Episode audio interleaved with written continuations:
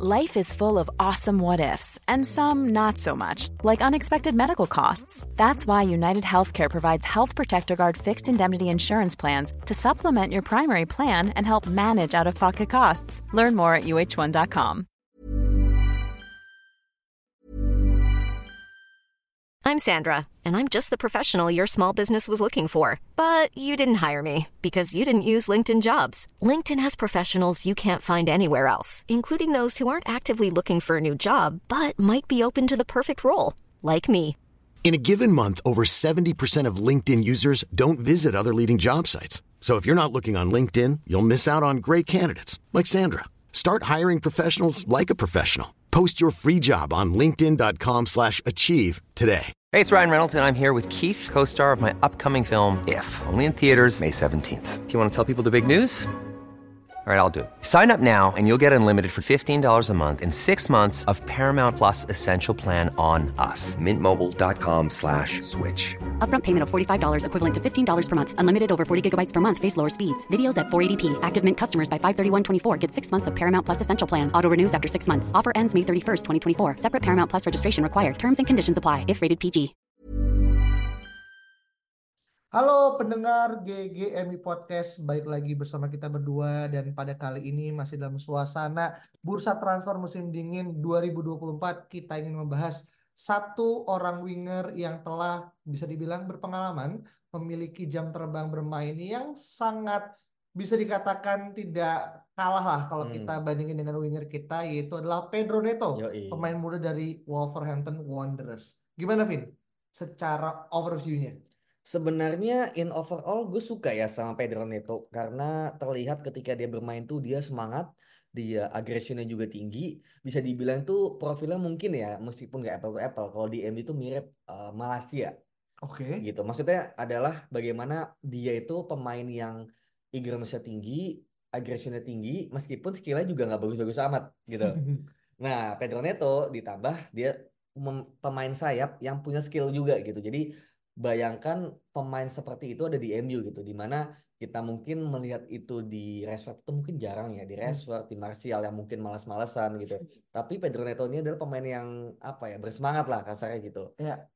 Mungkin ya kalau misalnya boleh dimirip-miripin itu paling mirip menurut gue sama Luis Diaz. Oh bukan Diogo Jota?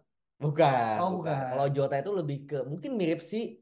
Nah, ini mungkin nanti di next episode ya kita bakal bahas si siapa namanya dari Portugal juga gitu. Rafa Silva. Oh iya. Itu mirip Jota menurut gua. Tapi kalau misalnya si Pedro Neto itu miripnya Luis Diaz. Hmm. Karena dia bisa main di both wing, sayap kiri atau sayap kanan meskipun kalau Neto kaki kiri ya. Hmm. Gitu. Tapi bagaimana dia aggressionnya dan juga semangatnya itu menurut gua mirip banget Luis Diaz. Oke, berarti bisa dibilang kalau kita coba benchmarking dengan player yang mungkin kita familiar ya, Hmm. uh, untuk sering lihat, uh, walaupun tentu Liverpool adalah rival, tapi gue juga sering lihat beberapa kali clips dan juga tontonannya. Sekarang Luis Diaz bahkan di pertandingan terakhir bisa gol ya, ketika akhirnya harus melawan Arsenal gitu kan. Di mana buat gue ketika kita membeli Neto, gue nggak tahu harganya berapa, nanti mungkin langsung bisa Hmm. cek. Tapi harusnya secara rasional kita bisa nge-capture Neto sebagai investasi jangka panjang. Kenapa? Karena usianya juga masih dibilang 23 tahun Mhm.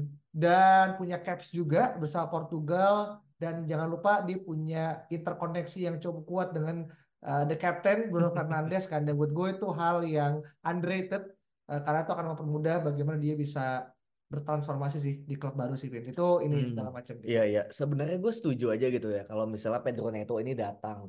Cuma lebih ke ya tadi yang pertama gue MU ini harus offloading pemain dulu. Hmm. Ya gue nggak tahu siapa, maybe Anthony, maybe Rashford gitu kan, atau mungkin ya dua pemain itu sih mungkin ya yang lagi menjadi public enemy ya gitu. Anthony karena kualitinya, Rashford karena gaji dan juga em, apa ya mungkin bisa dibilang kurang effort lah ya gitu. Hmm. Sedangkan Neto ini pemain sangat effort. Cuma mungkin kontranya adalah dia sering cedera ternyata. Oke. Musim ini tuh dia sering banget cedera.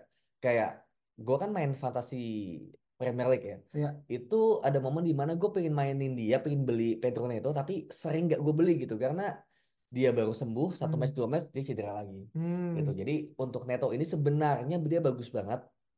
Cuma sayangnya dia rentan cedera itu aja. Oke, berarti konsepnya emang selalu menjadi pertimbangan apakah pemain ini available atau enggak gitu Hmm, kan. iya. Dan karena kita punya catatan rekor yang kurang baik ya dengan beberapa nama pemain yang lebih banyak menghabiskan waktu di ruang operasi ketimbang di lapangan gitu ya Iya. dan kita menghindari pemain-pemain yang bisa dibilang reluctant lah Hmm. Eh, atau bahasa dulu adalah pemain berkaki kaca ya gitu ya. Walaupun gue juga perlu lihat apa sih eh, bisa dibilang cederanya tuh lebih ke mana gitu. Tapi gini, ini gue lihat dari WhoScored.com terkait dengan karakteristik. Nih injurnya nih, Oh, hamstring. Oh, aduh. 60 hari.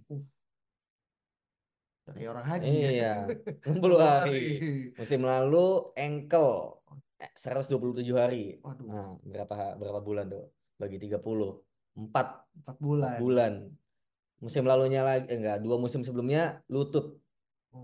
297 hari. Miss 52 match gitu. Jadi lumayan banyak sih sebenarnya dia cedera. Kayak tiap musim dia cuma uh, ada dua musim kayaknya. Satu musim dia dia aman dari cedera yaitu 21 22. Sisanya pasti ada cedera. Oke, ini Dan cedera itu panjang-panjang. iya iya, ini udah kayak sabatikal ya. Orang sabatikal kerja setelah 15 tahun nih kena cedera jadi panjang banget 200 hari buat gue tuh hampir setahun setahun 8 bulan lah.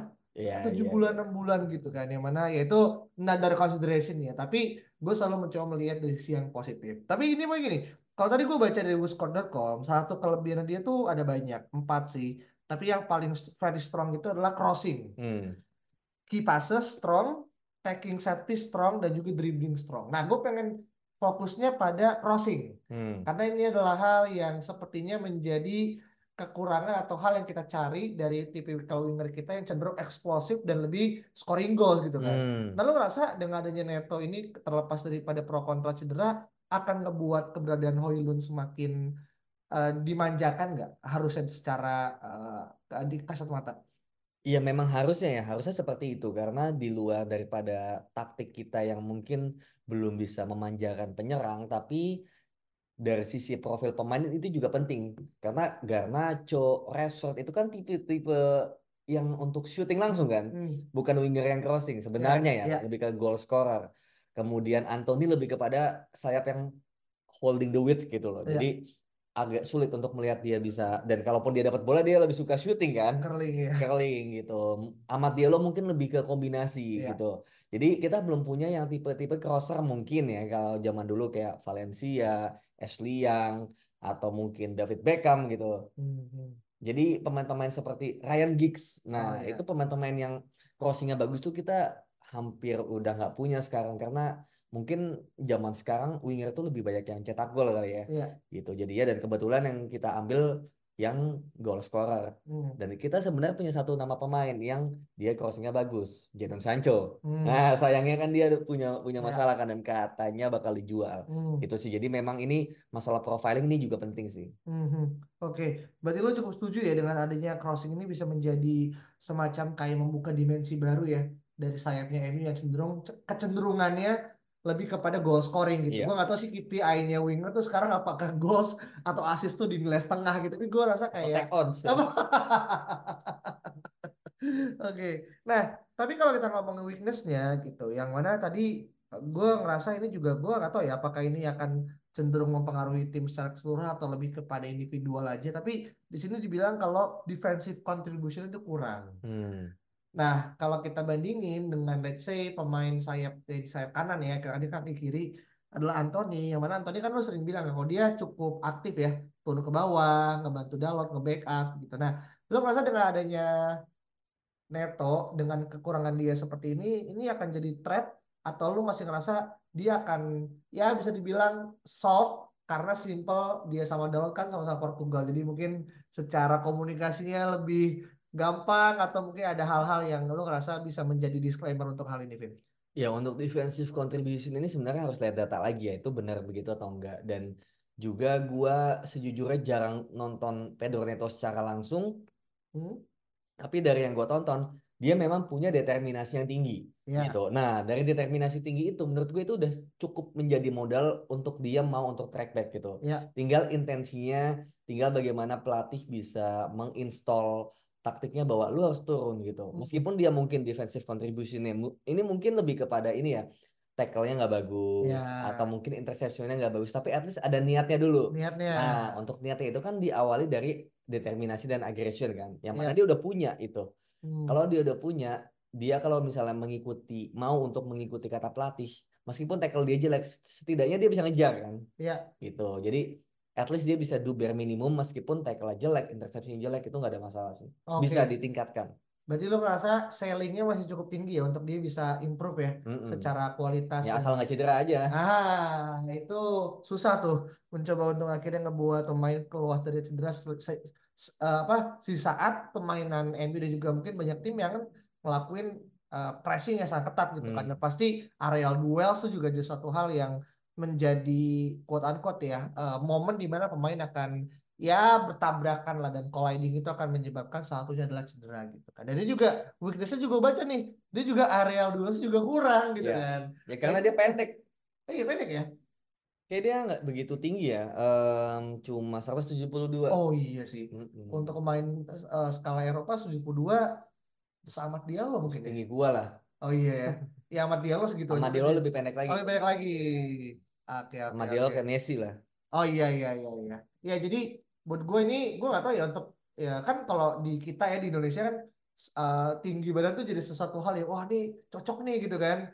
Tapi kalau di Eropa gue nggak tahu apakah tinggi badan masih menjadi suatu hal yang eh, dikonsider atau enggak gitu kan pada konteks-konteks tertentu misalkan set piece atau bahkan ya I don't know areal duel yang secara corner atau apa sih tapi Iya, kalau sayap sih kayaknya nggak begitu jadi gitu ya. masalah ya gitu. Yang penting dia ada effortnya lah. Gua daripada dia tinggi tapi nggak ada effortnya, Hmm. mending ya dia terbatas tapi effortnya tinggi. Hmm. Kayak Lisandro Martinez. Oh Nah, iya. gitu aja. Dia tahu dia pendek, Hmm. bukan back tengahnya ideal, tapi aggression dan determinationnya itu bisa ngalahin semua kelemahan dia. Jadi Hmm. buat gua nggak ada masalah sih. Mhm. Iya, iya, iya, iya. Oke, ini adalah hal yang bisa kita coba profiling ya dari Pedro Neto dan kita berdua sangat merekomendasikan teman-teman nonton video kompilasinya di YouTube. In case kalau teman-teman nggak nonton Wolves secara rutin kayak gua gitu kan, nonton 12 menit tuh akan ngebuat kita jadi paham bagaimana sosok Pedro Neto gitu kan. Tapi terlepas bener atau enggak, lo ngerasa ini akan lebih cocok kalau kita nggak beli dengan harga yang udah mungkin di set secara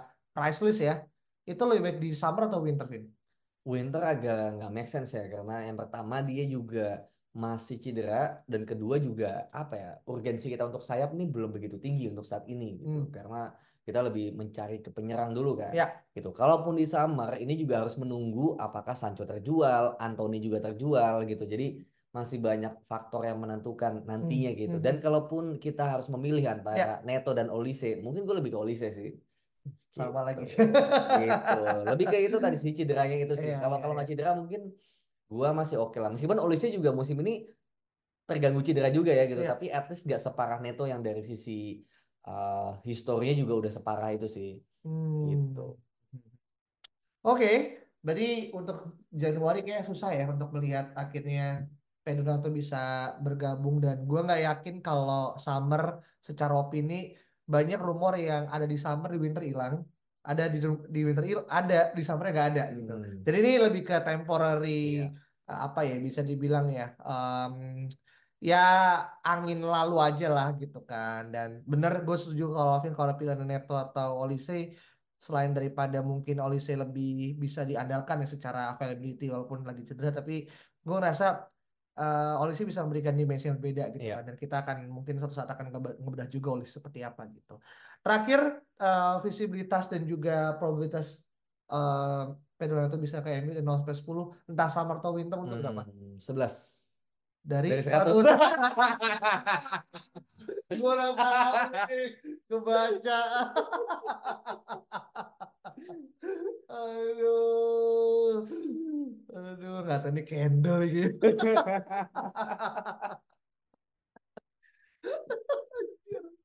aduh teman-teman mungkin ya akhirnya mungkin menonton referensi yang sama mungkin paham lah ini kita ketawa kenapa gitu tapi dengan Alvin ngomong gini udah bisa dipastikan ya itu sangat-sangat kecil Iya, harusnya betul. Mm-mm. jadi jangan kaget kalau nanti setiap kali ada pertanyaan dari gua mengenai berapa visibilitas Alvin akan jawab 11 per 100 berarti itu udah referensi mutlak kalau itu mendekati nol ya Oke, mungkin kalau teman-teman teman-teman punya pendapat berbeda terkait dengan Pedro Neto dan mungkin teman-teman ngerasa Pedro Neto adalah sosok titisan yang kita cari dari uh, manifestasi Jadon Sancho yang yang fail ya. Hmm. Boleh juga reply di Twitter kita di @ggmi podcast dan kita ketemu lagi di episode berikut ya. Bye bye.